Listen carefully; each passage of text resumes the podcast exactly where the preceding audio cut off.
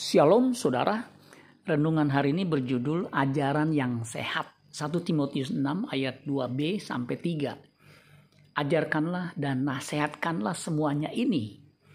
Jika seorang mengajarkan ajaran lain dan tidak menurut perkataan sehat, yakni perkataan Tuhan kita Yesus Kristus dan tidak menurut ajaran yang sesuai dengan ibadah kita.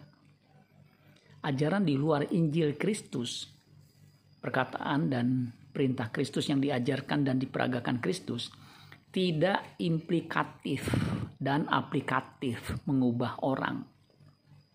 Malah sebaliknya ajaran palsu tersebut membuat orang yang menerimanya kena penyakit berbahaya.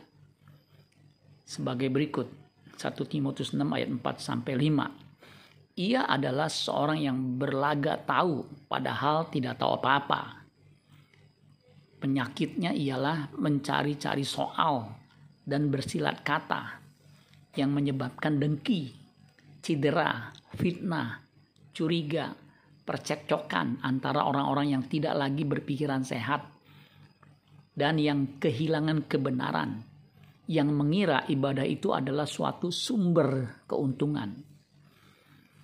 Orang yang dipenuhi oleh ajaran yang bersifat materialistik menghasilkan orang-orang yang pikirannya tidak sehat dan penuh iri hati dan kebencian. Saya memperhatikan ada orang yang berpendidikan tinggi dan kedudukan tinggi setelah tidak menjabat lagi, perkataannya penuh dengan kebencian dan tendensius dan tidak lagi sesuai dengan akal sehat.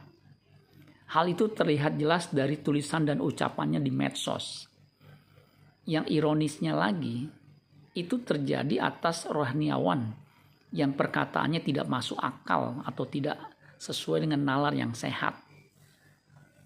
Ada rohaniawan yang mengungkapkan teori konspirasi tentang COVID-19 yang tidak terbukti kebenarannya. Jemaat yang cerdas dapat membedakan apakah ajaran seseorang itu palsu atau orisinil. Ajaran yang asli berfokus pada perkataan atau pengajaran yang diajarkan oleh Kristus, yang diteruskan oleh para rasulnya, sehingga mendorong orang untuk mentaati ajaran Kristus itu. Ajaran yang demikian pada akhirnya menggiring orang menjadi serupa dengan Kristus. Hal itu terlihat jelas dari gaya hidupnya yang sederhana. 1 Timotius 6 ayat 6 sampai 8. Memang ibadah itu kalau disertai rasa cukup memberi keuntungan besar.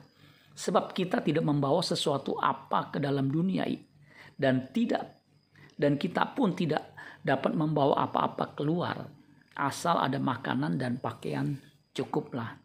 Amin buat firman Tuhan. Tuhan Yesus memberkati. Sola Gracia.